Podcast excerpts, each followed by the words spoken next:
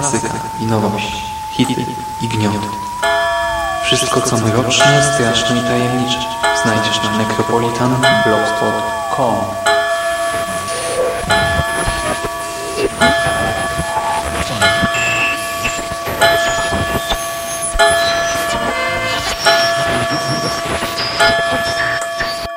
Witam w nawiedzonym podcaście.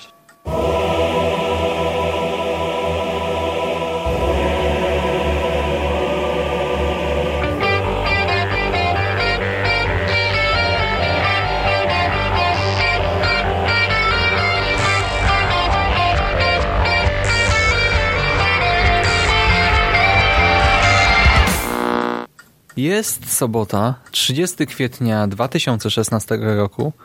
Słuchacie właśnie 79. nawiedzonego podcastu na blogu Necropolitan, a po tej stronie dyktafonu wita się z Wami Szymas. Dziś będzie solowo, double featureowo i książkowo. Słyszeliście tydzień temu zajawkę. Tego odcinka znacie tytuł, tego odcinka wiecie więc dokładnie, że chciałbym dziś dla Was omówić dwie klasyczne opowieści grozy, czy też powieści z elementami grozy. I zaczniemy chronologicznie od tej wcześniejszej, czyli od doktora Jekylla i pana Hyda, Roberta Louisa Stevensona z 1886 roku.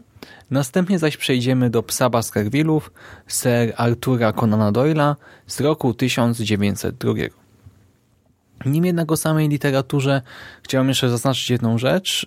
Otóż mówię o klasykach, tak, o dziełach istniejących od ponad 100 lat, a targetem nawiedzonego podcastu są fani szeroko pojętej grozy, ale pomimo tego uznałem, że nie będę wchodził jakoś szczególnie w spoilera, jeżeli już to oddzielę je dość wyraźnie, znaczy wyraźnie, no tak jak zazwyczaj, tak, od głównej części audycji, bo w końcu głupotą byłoby jednak zakładać, że każdy już zna te książki, a nie chce też nikomu odbierać potencjalnej przyjemności z lektury, więc po prostu w razie czego nie bójcie się, nie będzie wielkich spoilerów, przynajmniej nie w tej pierwszej części.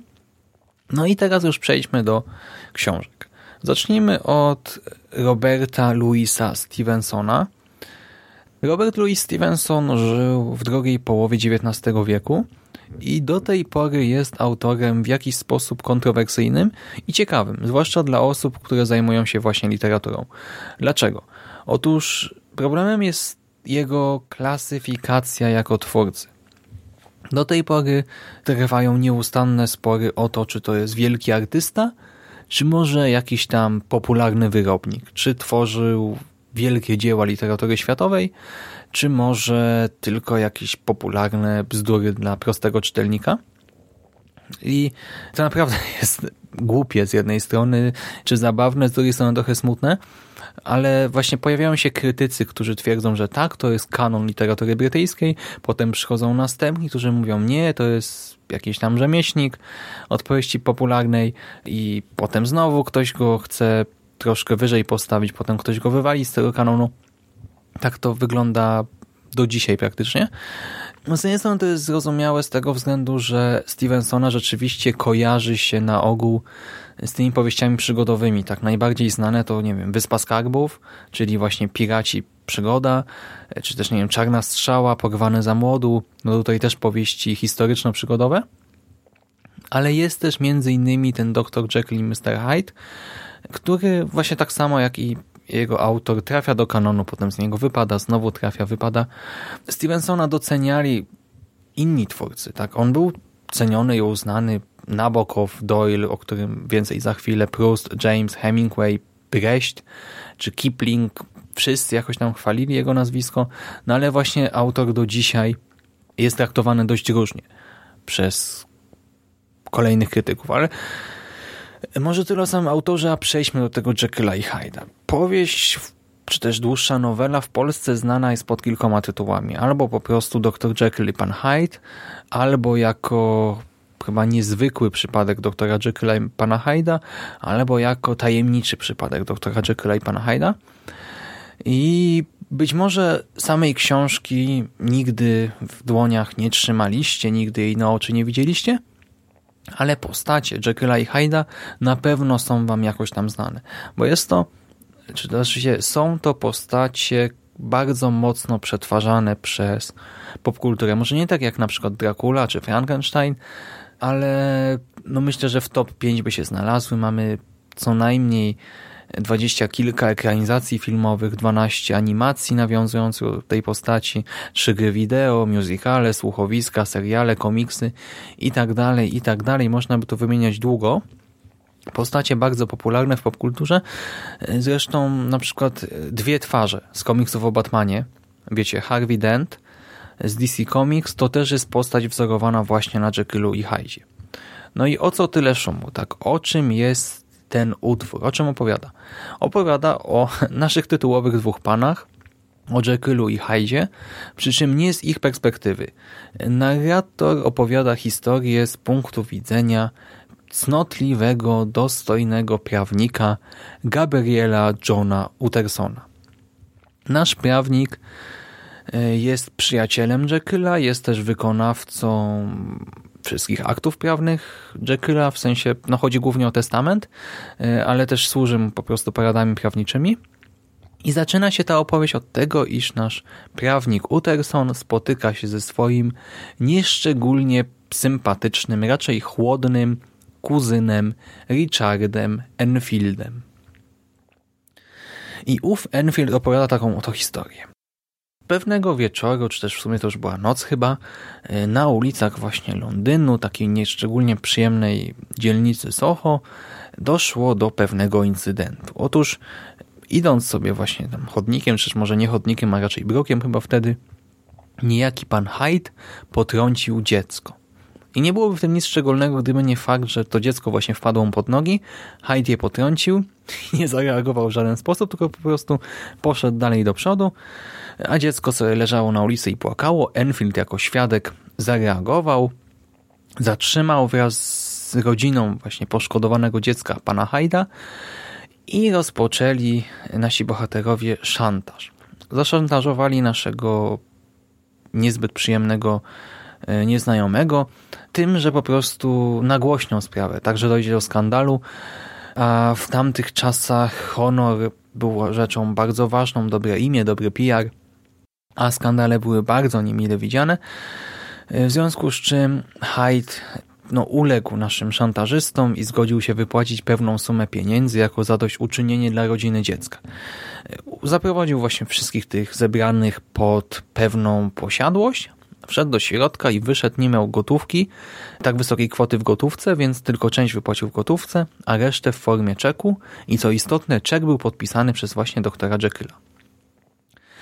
Nasz prawnik, słysząc tę historię, jest bardzo zaniepokojony, bo wie właśnie, iż Jekyll zapisał w swoim testamencie wszystkie swoje dobra niejakiemu Hyde'owi. No i dlaczego szanowany bo Jekyll jest właśnie dostojnym arystokratą, szanowanym naukowcem, lekarzem. Dlaczego taka jednostka miałaby zapisywać wszystkie swoje dobra jakiemuś właśnie nieprzyjemnemu facetowi, który no, potrącił dziecko, nie przejął się tym.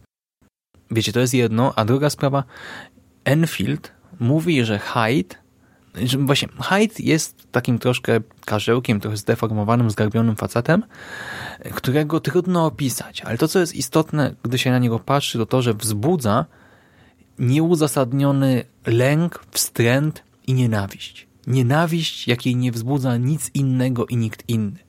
I my dowiadujemy się tego właśnie z opowieści Enfielda. Dlatego podkreśliłem wcześniej, że on jest taki też chłodny i niesympatyczny, bo Stevenson w ten sposób kreuje właśnie tę okropną postać Hyda. On nie tylko sam w sobie jest właśnie nieprzyjemny, wzbudza tę nienawiść i wstręt, ale wzbudza ją w nieprzyjemnym też Enfieldzie. Tak, że nawet ten chłodny, niesympatyczny facet twierdzi, że Hyde to jest po prostu jakiś potwór w ogóle. Co to jest? Tak straszne, okropne. Ach, Nasz prawnik no, jest zaniepokojony tym faktem. Próbuje jakoś wyciągnąć z Jekylla informacje o tym, kim jest Hyde, tak, dlaczego, czy na pewno ten testament ma tak wyglądać, może by go zmienić. Jekyll jednak go ignoruje, tak nie chce słuchać w ogóle o zmianach, tak nie chce w ogóle rozmawiać o Hydzie. No i niestety Jekyll coraz bardziej się izoluje. Utterson, prawnik, podejrzewa, że ma to związek z panem Hyde'em. Do tego w pewnym momencie dochodzi do morderstwa. Życie traci też jakaś tam znana osobistość, znana arystokrata i wszystkie dowody wskazują na to, że mordercą jest Hyde. I może na tym etapie fabuły zakończę streszczenie, by nie zaspoilerować zbyt wiele. Teraz ja nie mogę za wiele o tej książce powiedzieć bez wchodzenia w szczegóły, więc na razie tylko takie uwagi ogólne. Ja to czytałem teraz po raz trzeci już. Pierwszy raz czytałem to jako dzieciak i szczerze mówiąc ja nie pamiętam w ogóle wrażeń z tamtego okresu. Drugi raz już na studiach, na czwartym roku studiów, kilka lat temu. Podobało mi się. Podobała mi się ta lektura i teraz trzeci raz i teraz sięgnąłem po to wydanie od wydawnictwa Vesper. Vesper ogólnie wydaje sporo klasyki. Tam Drakule, Poego, wszystkie utwory Frankensteina, ostatnio tego portret Doriana Greya. I co ciekawe, dorzuca do tych wszystkich wydań na koniec jakiś krótki esej. E, czy też taki artykuł popularno-naukowy. One są czasem lepsze, czasem gorsze. Na przykład ten po Jekyllu i Hydzie mnie się jakoś szczególnie nie podobał. I e, wydał mi się taki trochę zbyt banalny, ale tak naprawdę zapomniałem o jednej rzeczy. Cholera, ja nie jestem targetem tego tekstu. E, I ja nie będę krytykował Vespera za to, broń Boże, wręcz przeciwnie, to jest świetna rzecz. Super, że wydawnictwu chce się dorzucać do tekstu powieści, do tekstu utworu jeszcze taki bonus w formie jakiegoś komentarza, posłowia, artykułu, e, który może rzucić nowe światło na cały utwór, e, bo nawet ten tekst tutaj, znaczy to nie jest tak, że on jest zły, tak? Po prostu dla mnie nie był jakoś szczególnie odkrywczy, ale no ja nie jestem właśnie targetem tego tekstu, tak? To nie ma być tekst naukowy dla literaturoznawcy czy fascynata groza, tekst, który wzbogaci jakoś lekturę u przeciętnego czytelnika i pod tym względem to jest super, tak? To jest genialne, to bardzo pochwalam. Cieszę się, że właśnie Vesper w to inwestuje, dorzuca to. Świetna sprawa. Kupujcie te wydania, zwłaszcza, że one też są tanie w miarę. Opłaca się je mieć na półce w domu. No, tak. I jeszcze Vesper wydaje też te książki w nowych tłumaczeniach. To tłumaczenie jest całkiem przyjemne, płynie się przez ten tekst, zresztą przez inne mam wrażenie, że też, bo te poprzednie wydania, które czytałem, nie pamiętam wydawnictw, ale też były w porządku. Właśnie pod kątem języka utwór jest całkiem przystępny. Do tego Stevenson bardzo sprawnie buduje napięcie. On trochę myli trop, sugeruje czytelnikowi dość konkretne rozwiązanie, dość konkretne interpretacje, wydarzeń, a na koniec odsłania wszystkie karty i pokazuje, że to wszystko nieprawda, że prawda wygląda inaczej, zaszło coś innego. Przy czym co istotne, to nie jest tak, że na przykład cała fabuła to jest sen i na koniec bohater się budzi i psikus, tak? To wszystko się nie wydarzyło. Nie. Stevenson wywraca wszystko do góry nogami, ale w zupełnie inny sposób i taki akceptowalny, taki, który mi się bardzo podobał. To zaskoczenie końcowe, ten ostatni twist jest świetny, i o nim więcej e, za jakiś czas w strefie spoilerowej. A teraz jeszcze słówko o grozie, bo w końcu nawiedzony podcast to audycja o horrorze. E, właśnie oprócz tego napięcia mamy też topikę nawiązującą do klasycznych powieści gotyckich. Znaczy, Dr. Jekyll i Hyde też są z punktu widzenia współczesnego czytelnika klasyką, ale to już, znaczy to się zalicza do powieści gotyckiej, ale można powiedzieć, że to już jest gotyk miejski. To jest taki pierwowzór grozy miejskiej. Czegoś, co dzisiaj może byśmy nazwali jako urban horror fiction.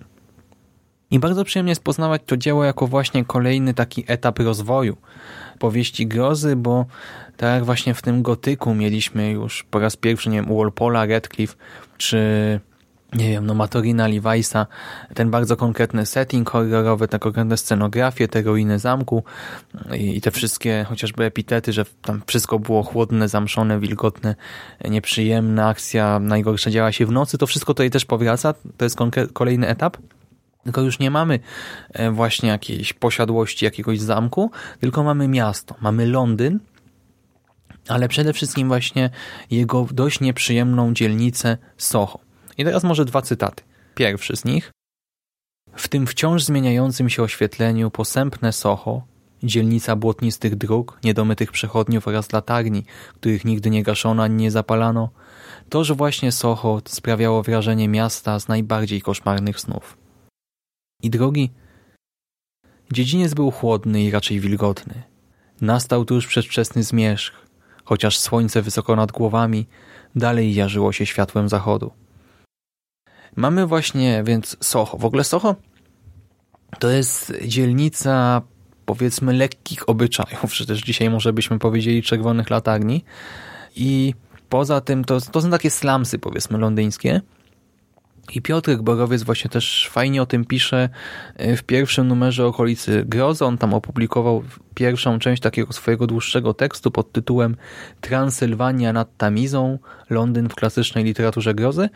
I oczywiście ja też od razu zwróciłem uwagę na to, że ten Londyn jest właśnie taki nieprzystępny, błotnisty, chłodny, wilgotny, tam zmierzcha albo właśnie do tego morderstwa dochodzi przy świetle księżyca. Zresztą właśnie w Soho nawet przechodnie są niedomyci, to wszystko jest nieprzyjemne, ale Piotrek też zwrócił uwagę na jedną ważną rzecz, która mi wcześniej do głowy nie przyszła, a mianowicie na wątek latarni. Bo gdy wyobrazimy sobie takie właśnie londyńskie slumsy z XIX wieku, akcja toczy się w roku 1800 którymś, to no, macie jakiś tam konkretny obraz w głowie, nie? I czytacie o tym, że tam macie to światło latarni. No i ja oczywiście pomyślałem o współczesnych latarniach, tak? O wielkich słupach z nieprzyjemnym może do końca, ale jednak światłem, które rozjaśnia okolice. A to przecież były latarnie gazowe, które tak naprawdę, no wiecie, jak macie latarnię gazową, no to na pewno kojarzycie chociażby jakieś grafiki, obrazy czy coś z takimi latarniami, czy w filmach. One dają po prostu tyle światła, co nic. Macie po prostu jakąś taką mleczną kulę w powietrzu i może na ziemi okrąg o średnicy nie wiem ile metra. Więc sobie tak wyobrazimy, no to ten setting jest naprawdę fajny, mroczny, tajemniczy. Świetna sprawa. Właśnie fajnie jest to czytać jako ten, tak jak mówię, kolejny krok w rozwoju powieści grozy. No i tak, czy ta powieść straszy? Tak, straszy. Jest to klasyka, tak więc straszy trochę inaczej, ale mamy naprawdę bardzo przyjemny klimat niesamowitości. Przez długi, długi czas nie wiemy, czy mamy do czynienia właśnie z wątkiem paranormalnym, czy może z jakimś mordercą, psychopatą, czy czymś jeszcze innym, czy z szaleństwem. Diabli wiedzą Mamy tę przyjemną scenografię właśnie brudnego Londynu, latarni gazowych, światła księżyca. Mamy też świetnie budowane napięcie i fabułę konstruowaną tak, że prowadzi do punktu kulminacyjnego, dopiero po nim wyjaśnia nam, co dokładnie zaszło. Tak, czyta się to przyjemnie, można może się nie przerazić, ale jednak poczuć taki przyjemny dreszcz emocji. Szczerze polecam. I teraz przejdę już może do drugiego utworu, czyli do Psa Baskervillów z 902 roku. O samym Doyle'u chyba wiele mówić nie trzeba. Tak jak Stevenson może nie być znany wszystkim z nazwiska, tak myślę, że Sir Arthur Conan Doyle znany jest wszystkim, tak samo jak właśnie jego Sherlock Holmes i zasługi właśnie tej postaci, tej serii utworów dla całej literatury detektywistyczno-kryminalnej Zresztą w ostatnich latach popkultura przeżywała jakiś taki boom Sherlockowy. Znaczy, wiecie, powstały te wszystkie seriale, filmy, ekranizacje. W Polsce wydawane były te klasyczne seriale o Sherlocku Holmesie. Powstało też sporo wznowień książki, audiobook się pojawił i właśnie mnie to trochę ominęło, bo z braku czasu właśnie no nie byłem na przykład na bieżąco ze wszystkimi serialami czy tymi ekranizacjami, ale mam przede wszystkim, e, znaczy kupiłem sobie seriale na DVD te starsze i kupiłem sobie księgę wszystkich dokonań Sherlocka Holmesa. To jest takie wydanie zbiorcze. Pierwsze polskie wydanie zawierające wszystkie opowiadania i nowele o detektywie wszechczasów. Tak to reklamuje wydawnictwo RE. To stoi przede mną cena okładkowa 59 zł, ja to kupiłem ciutkę taniej, byłem, o Jezu, ale to ciężkie, byłem z Bedwulfem w jakiejś galerii i zobaczyłem to w Empiku, jeszcze wtedy kupowałem w Empiku, troszkę przecenione, za jakieś 50 zł pewnie, no i cóż, no, jak to zobaczyłem, musiałem to kupić. Wygląda to fajnie, jest wielkie, w twardej oprawie, ciężkawe, chociaż nie aż tak ciężkie jak być powinno, bo papier chyba nie jest najlepszej jakości. Ale pomimo wszystko, no fajnie to wygląda na półce. Jest wielkie, ekstrawaganckie trochę i tak dalej, przy czym niestety niepraktyczne. Nie będę tutaj się oszukiwał. To jest niepraktyczne, bo to jest po prostu wielka cegła. To jest większe od encyklopedii powszechnej, którą mam na półce, taka jednotomowa, też wielka encyklopedia powszechna PWN. Sherlock Holmes jest większy i ja tak naprawdę go nawet nie rozpakowałem z folii do tej pory. Gdy ostatnio właśnie chciałem czytać Psa Baskervillów, to stwierdziłem, że no nie będę tego otwierał, tylko po prostu wypożyczę sobie z biblioteki, dlatego że jakbym czytał w domu dużo, znaczy tylko w domu, no to pewnie bym sobie to otworzył i czytał z tego, ale że ja czytam jednak bardzo często w biegu, gdzieś na mieście, w tramwaju, autobusie, na uczelni, gdy mam wolną chwilę, czy jak przyjadę na kurs i mam 20 minut do rozpoczęcia zajęć, to tam gdzieś sobie usiądę, poczytam. No tego bym nawet w torbę nie wsadził. To jest tak wielkie, więc... A zresztą fajnie by było to dźwigać przez cały dzień. Bez sensu totalnie.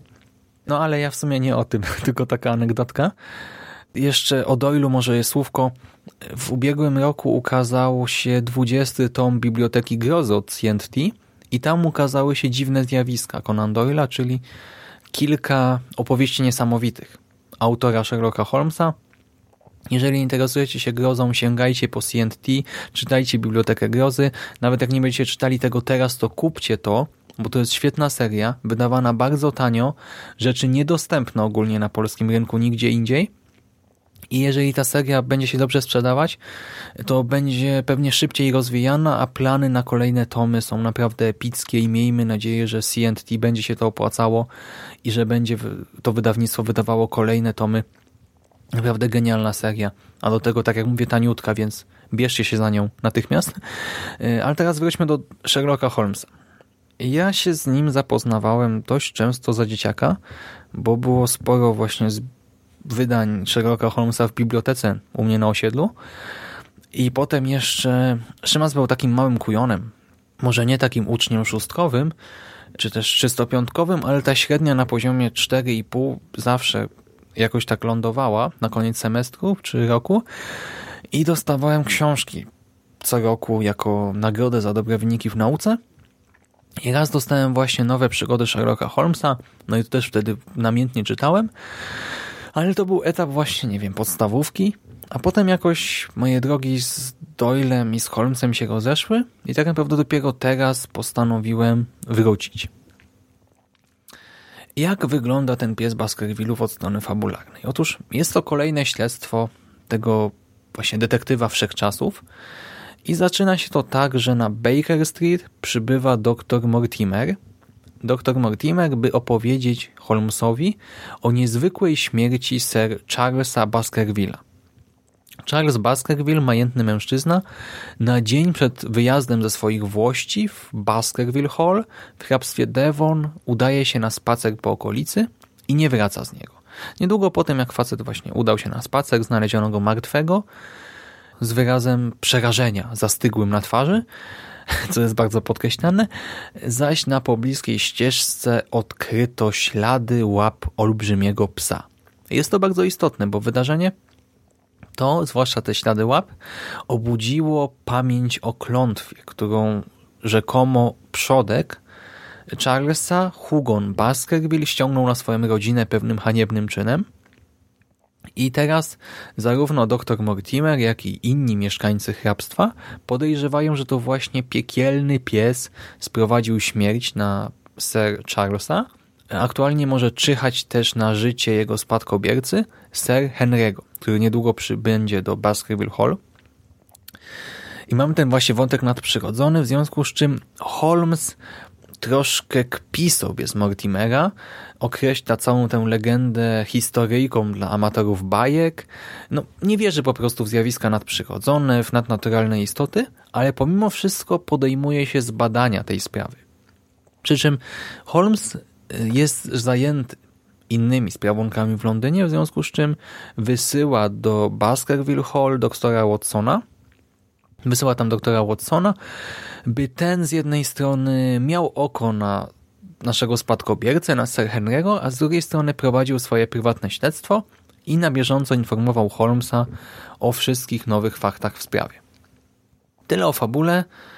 Jeżeli chodzi o strukturę tej historii, no to to jest taka klasyczna właśnie opowieść detektywistyczna o Holmesie. Narratorem jest oczywiście dr Watson. To jest w ogóle świetna sprawa u Doyle'a, że narratorem nie jest nasz geniusz, a właśnie jego przyjaciel, który teoretycznie też jest bystry, ale tak naprawdę on jest bystry na poziomie takiego w miarę rozgarniętego czytelnika. I dzięki temu, że wszystko poznajemy z punktu widzenia Watsona, to my jako czytelnicy możemy bawić się tą zagadką, tak rozwiązywać ją, analizować tropy, rozważać lub odrzucać kolejnych podejrzanych. I właśnie ta intryga kryminalna jest dosyć zawiła, ale Doyle nie przesadził, tak nie jest przekombinowana. Do tego ten wątek nadprzyrodzony istotnie ją wzbogaca. Zwłaszcza, że wątek nadprzyrodzony i ta właśnie atmosfera grozy nie skupiają się wyłącznie na samej postaci tego naszego piekielnego psa, tej dziwnej bestii, która rzekomo prześladuje rodzinę Baskervillów, a mamy także oprócz tego jeszcze właśnie taki typowo gotycki, horrorowy setting, bo miejscem akcji większej części powieści jest właśnie wiktoriańska posiadłość oraz położone w jej pobliżu trzęsawisko. Typowo horrorowe trzęsawisko, nie oszukujmy się, regularnie unosi nad nim mgła, rozbrzmiewa tam wciąż to takie dziwne, dzikie wycie tajemniczej istoty. Do najważniejszych wydarzeń dochodzi w środku nocy, tam gdzieś właśnie przy świetle księżyca. Widzimy jakieś zamaskowane, niewyraźne sylwetki na tle na horyzoncie. Co tam jeszcze jest? Y, postać jakiegoś psychopaty, mordercy, która ucieka z wariatkowa. Sporo jest takich fajnych, interesujących, intrygujących motywów znanych nam, fanom horroru i często można poczuć dreszczyk emocji. Przy czym oprócz tej intrygi kryminalnej i odrobiny grozy, to co mi się najbardziej podobało to relacje między Watsonem a Sherlockiem. Ja tak tego w ogóle nie zapamiętałem, jakoś wyparłem to z pamięci i też nie kojarzyłem tego w żaden sposób z literackim oryginałem tych wszystkich historii, a chodzi mi o tę właśnie taką słodko-gorzką relację, bo z jednej strony już od praktycznie pierwszych stron tego utworu e, widzimy jak Sherlock bywa złośliwym dupkiem, za przeproszeniem, i właśnie obserwujemy te utarczki, te takie spory pomiędzy tym apodyktycznym, sarkastycznym, ekscentrycznym geniuszem z jednej strony, a takim jednak przeciętnie inteligentnym, poczciwym gościem z drugiej strony, czyli właśnie Watsonem.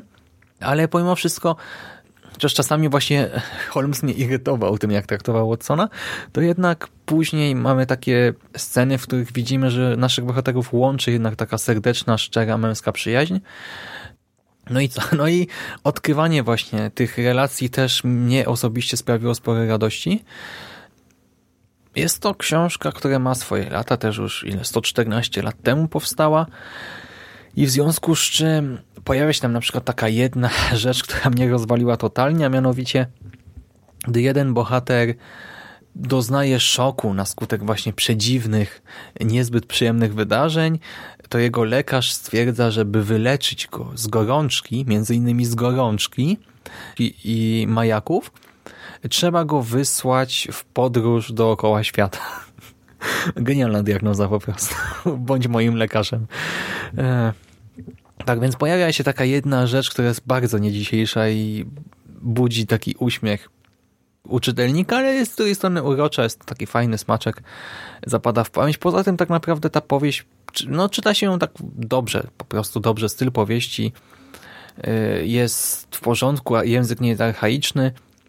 Przy czym, jeżeli lubicie na przykład współczesne kryminały, to znaczy, nie wiem, Bondę Miłoszewskiego, jakieś te skandynawskie kryminały, czy nawet kryminał noir, y, Chandlera, tego typu klimaty, to musicie być nastawieni, że Holmes to jest praprzodek tych właśnie utworów, to jest dziadek tej współczesnej literatury i to czuć, bo tutaj świat przedstawiony jest bardzo ograniczony. Tutaj nie mamy żadnych wątków społeczno-obyczajowych, takich jak we współczesnych dziełach. Nie mamy tak skomplikowanej fabuły, aż tylu bohaterów.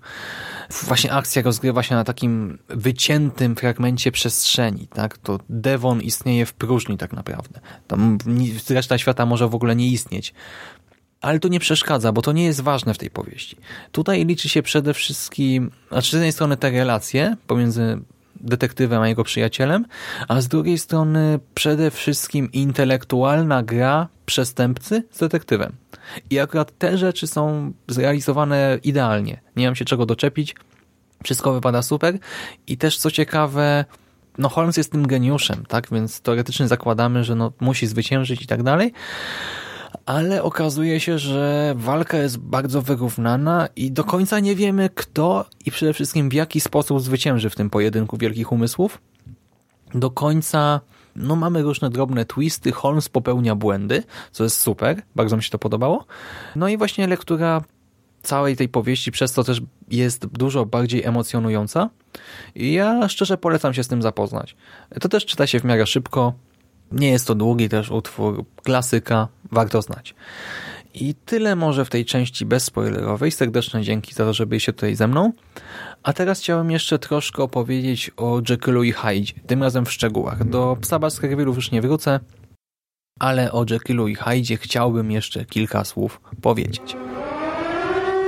Uwaga! Spoiler!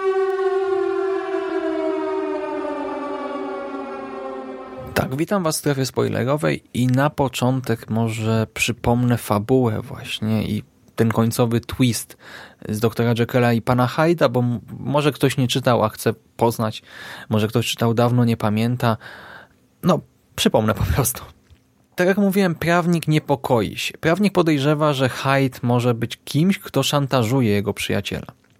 Hyde miałby być szantażystą, który szantażuje doktora Jekylla, w jakiś sposób no, może na niego wpływać, ma na niego jakiegoś haka, może mu czymś grozi. I dlatego Jekyll właśnie przepisał na niego te pieniądze, chroni go i tak dalej.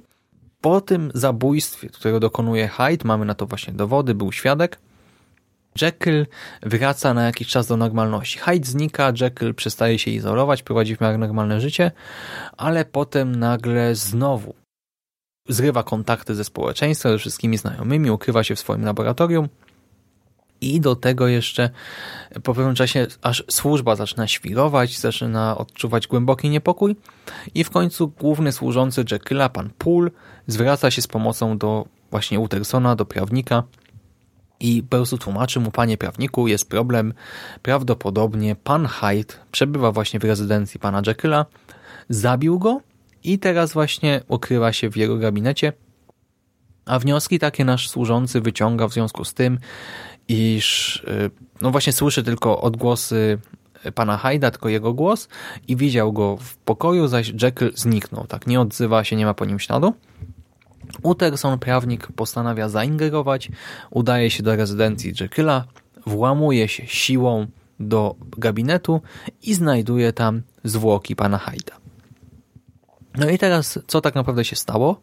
Dowiadujemy się tego z dwóch listów, które czytamy na koniec, które służą za dwa ostatnie rozdziały książki.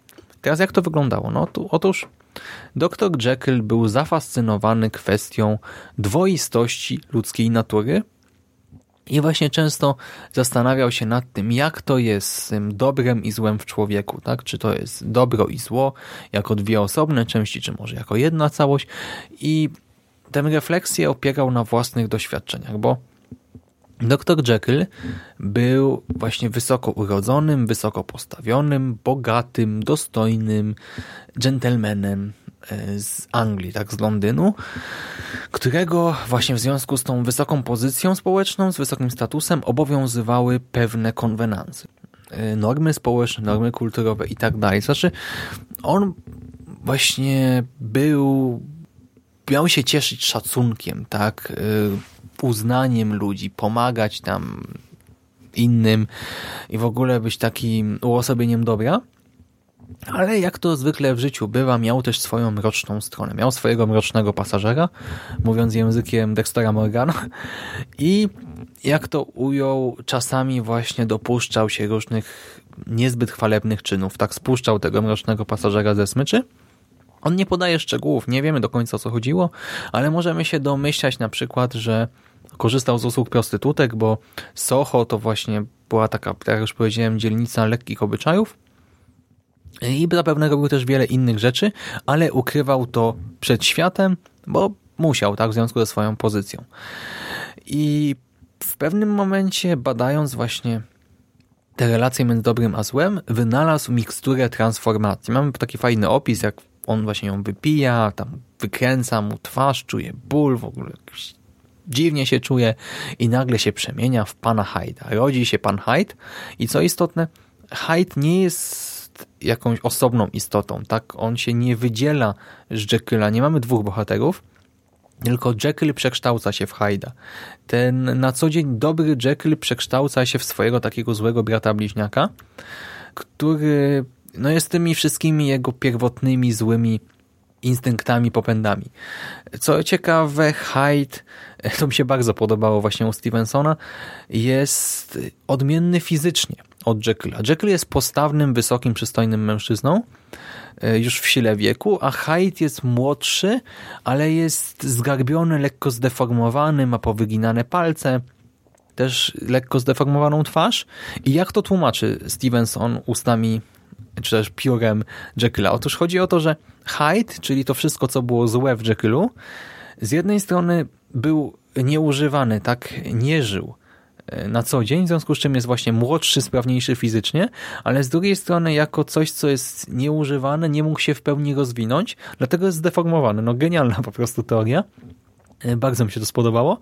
I Jekyll wypija eliksir, zamienia się w Hyde'a, może poszaleć pod postacią właśnie tego swego złego brata bliźniaka, Chociaż nie do końca bliźniaka, ale no wiecie o co chodzi. Potem wypija znowu swój eliksir, znowu staje się normalny, znowu staje się Jekyllem. I tak czyni to regularnie, aż w pewnym momencie zaczyna się uodparniać na specyfik. To znaczy musi podwoić dawkę, w pewnym momencie nawet ją potroić.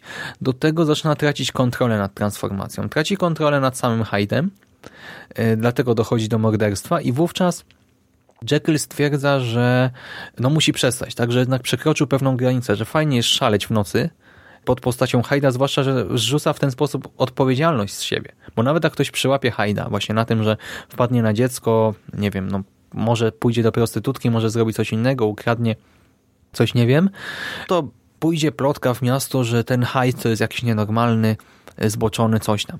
Ale nikt tego nie połączy z Jekyllem, więc jest to dosyć bezpieczne i komfortowe dla niego. E, no ale morderstwo, tak, to już jest pewna granica, której przekraczać nie powinniśmy. Jekyll dochodzi do wniosku, że musi przestać przemieniać się w Hajda. Koniec właśnie z tym nocnym szaleństwem.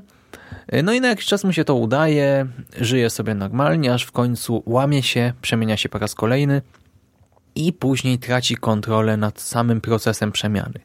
Okazuje się, iż czasem zaczyna się przemieniać spontanicznie, bez wypicia eliksiru, nie ma na to żadnego wpływu i potem musi wypić specyfik, aby wrócić do normalności. Niestety topnieją jego zapasy specyfiku, do tego jeden z jego składników jest aktualnie niedostępny w Londynie, nie może go nigdzie dostać, ewentualnie jak go dostaje to jest zanieczyszczony czymś lub też właśnie niezanieczyszczony tym czym była ta pierwotna wersja tej substancji i w związku z czym no Jekyll wie, że zbliża się jego koniec, że niedługo po prostu zamieni się w Hyde, już nie będzie mógł wrócić do normalnej postaci i w tej końcowym momencie on wypija ostatnią porcję specyfiku, pisze list, w którym wyjaśnia, objaśnia całą tę historię i potem w momencie przemiany albo zaraz po niej zabija się. Tak, no i właśnie mówiłem, że ta powieść trafia do kanonu i wylatuje z niego. Można ją czytać jako właśnie taką zwyczajną, szokującą literaturę rozrywkową o przemianie człowieka w potwora, w mordercę, o szaleństwie i zostać na tym poziomie. I być może, znaczy być może na pewno tak ją wiele osób czytało i do tej pory ją czyta. Jednak e, no człowiek, który czyta trochę więcej niż książkę rocznie czy na kilka lat, e, zauważy trochę więcej. Tak samo człowiek starszy, bo ja też wcześniej nie widziałem wielu rzeczy przy pierwszych lekturach, dopiero teraz wiele rzeczy do mnie dotarło. Zauważymy na przykład, że e, znaczy no przede wszystkim ten aspekt psychologiczny, tak, to, że mamy tutaj takie studium ludzkiej psychologii, studium na temat dwoistości natury ludzkiej, pewną alegorię moralną, o tym troszkę więcej za chwilę, a teraz jeszcze chciałem zauważyć, że jest to też krytyka takiej społecznej hipokryzji, prowadzenia podwójnego życia, bo Właśnie często zapominamy, że ludzie niezależnie od statusu społecznego, czy też wykonywanego zawodu, są tylko ludźmi, popełniają błędy, właśnie mają jakieś swoje też pierwotne instynkty, dopuszczają się najdziwniejszych, najróżniejszych, często też nieetycznych czynów. Ludzie są tylko ludźmi. Wszyscy. I o tym też Piotrek wspomina w swoim tekście, a mianowicie o tej aferze chociażby seksualnej z dziećmi w roli głównej, w którą zamieszane były wyższe sfery, to też no z tym obcujemy dzisiaj na co dzień. Tak media masowe biją po oczach różnymi skandalami. Tutaj polityk właśnie i prostytutka, tutaj aktorka pijana za kółkiem samochodu, tutaj muzyk się naćpał, tutaj ktoś coś gdzieś ukradł, nie wiem, zrobił coś jeszcze innego. No wtedy było podobnie po prostu. I zresztą, tak jak mówiłem, Jekyll sam sugeruje, że dopuszczał się różnych czynów. Nie stwierdza wprost o co chodzi, no ale to każdy sobie coś tutaj podstawi pod to. A zarazem na co dzień udawał, bo to nie był do końca on sam, e, takiego właśnie dostojnego mężczyzny, mężczyznę, który pomaga wszystkim, właśnie leczy ludzi, pewnie płaci na jakieś sierocińce, bo jest bogaty i w ogóle jest cudownym przyjacielem, dżentelmenem, och, ach. A no właśnie nie do końca tak było. Dzisiaj, gdy patrzymy na Jekylla i Hyda, widzimy po prostu w postaci Jekylla gościa cierpiącego na dysocjacyjne zaburzenie tożsamości, czyli znaczy ta choroba ma wiele nazw, zwłaszcza takich potocznych. Osobowość mnoga, osobowość wieloraka, naprzemienna, rozdwojenie jaźni, rozdwojenie osobowości itd., tak itd. Tak no po prostu można powiedzieć, że facet jest chory, ale Stevenson nie zaserwował nam takiej zwyczajnej analizy jakiegoś przypadku medycznego. On poszedł o krok dalej i nie wiem, czy można powiedzieć, że dał podwaliny teoriom późniejszym psychologicznym, ale a może i można. Bo co ciekawe, to jest utwór właśnie z XIX wieku, a pojawiają się w nim wątki, które potem Freud w XX wieku wykorzystuje w swoich badaniach, w swoich publikacjach. Na przykład w 1930 roku, 1930 roku Freud wydał taką publikację Kultura jako źródło cierpień. I tam pisze o tym, że właśnie kultura, normy kulturowe, konwenanse, obyczaje zmuszają człowieka do nieustannych wyrzeczeń, do ciągłej kontroli nad własnymi właśnie popędami, ochotami, instynktami. I to sprawia nam ból psychiczny, czasem też fizyczny i doprowadza właśnie do tego, że cierpimy. I też miał tę swoją teorię id, ego, superego, czy też po spolszczeniu to ja i Nadia. Wiecie, mamy to nasze ego, to, to czym jesteśmy. I to ego jest wypadkową id i superego, które walczą ze sobą nieustannie. Id to jest odpowiednik wszystkich naszych właśnie instynktów, popędów, takich bardziej pierwotnych, zwierzęcych, seksualnych, nie wiem, głodu i tak dalej, i tak dalej. A superego to są znowu właśnie wszystkie normy społeczne, kulturowe, konwenanse. To jest taka instancja kontrolna, która sprawia, że nie chcemy popełnić fopa, nie chcemy popełnić żadnej głupoty, gdy ktoś nas obserwuje i tak dalej. No i teraz może jakiś przykład. Na przykład wyobraźcie sobie jakąś imprezę z jedzeniem. Nie wiem, wigilię pracowniczą, szkolną, uniwersytecką czy jakąś inną w miejscu publicznym jest szwedzki stół, no i gdy już można jeść, no to jak to wygląda? No część osób kieruje się id i jak to bydło rzuca się na stół z jedzeniem.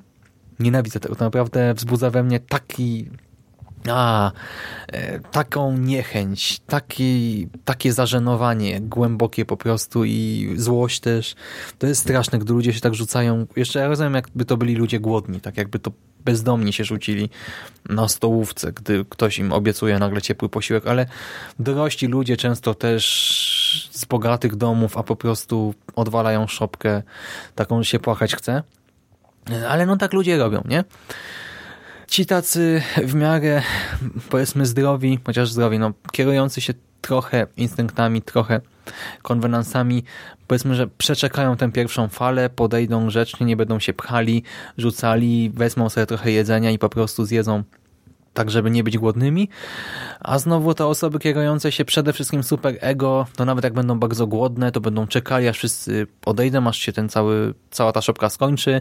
Potem wezmą talerzyk, widelec, nożyk, serwetkę, coś do popicia i powolutku będą kroili kawałeczek po kawałeczku, właśnie małe kawałki do buzi, dokładnie podgryźć i tak dalej. Znaczy, i oczywiście teraz trochę to koloryzuję, y, no ale chodzi o to, byście, jeżeli nie znacie tych teorii w ogóle, mogli sobie to wyobrazić i zrozumieć. I tutaj właśnie mamy coś podobnego. Mamy tego Hajda, który kieruje się tylko tymi instynktami i tego doktora, który znowu gra cały czas. To jest teatrzyk, tak? Cały czas się kontroluje, bo czuje, że musi. I to fajnie jest w tekst wpleciony. Mam tam takie cytaty sobie wypisałem dwa. Tak się złożyło, że moje studia doprowadziły mnie w końcu do kwestii owej ponadczasowej wojny pomiędzy mną a mną. Czy też inny cytat? Zauważyłem, że jeśli mogę utożsamiać się z którąś z dwu natur, co w mej świadomości walczą ze sobą zajadle, to może tak stać się dlatego jedynie, iż jestem i jedną, i drugą. I właśnie macie tutaj ten motyw walki, wojny wewnętrznej, dwóch natur ludzkich, mnie i mnie, walki mnie z mną. Fajne to jest, że Stevenson wpadł na to tak wcześnie.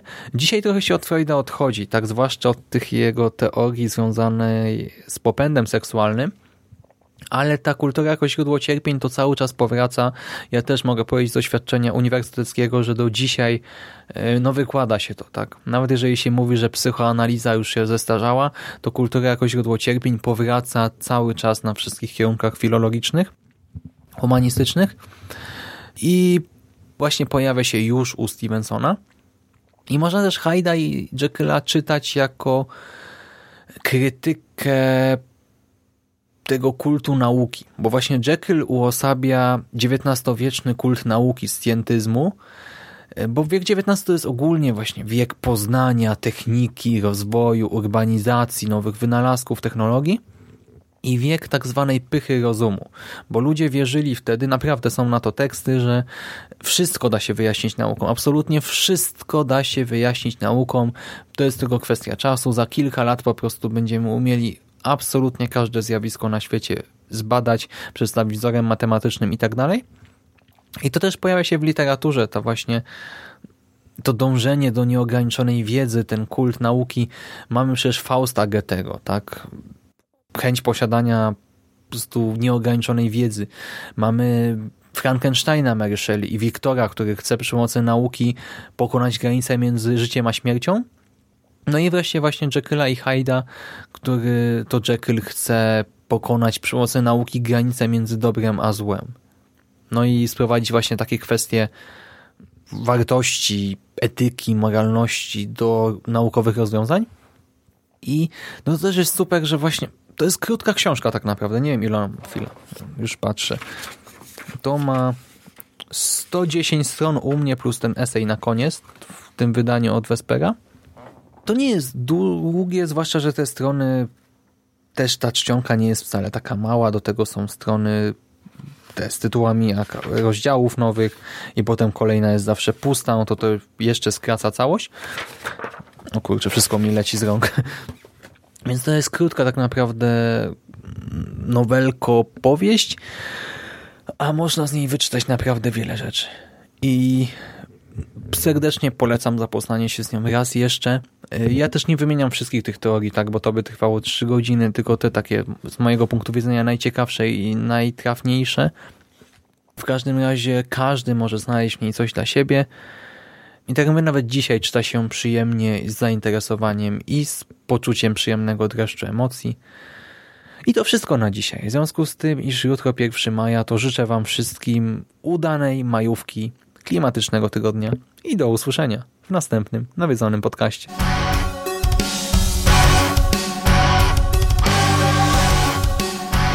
A już za tydzień w kolejnym nawiedzonym podcaście.